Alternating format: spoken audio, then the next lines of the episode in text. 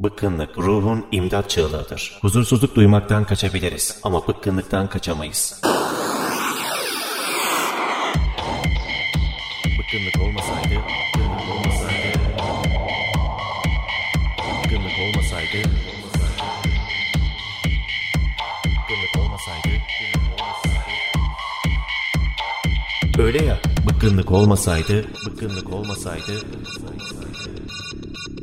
aşkın sebep olduğu saçmalıklara, hiç değişmeden aynı kalmaya, eğlencenin sonsuz olduğu bir dünyada sebepsiz can sıkıntısına, açların arasında karın tokluğuna, her gün aynı şeylerle tıka basa doymaya, böylece midenin bile hiç acıkmamaya isyan etmesine nasıl deva olur? Deva olur.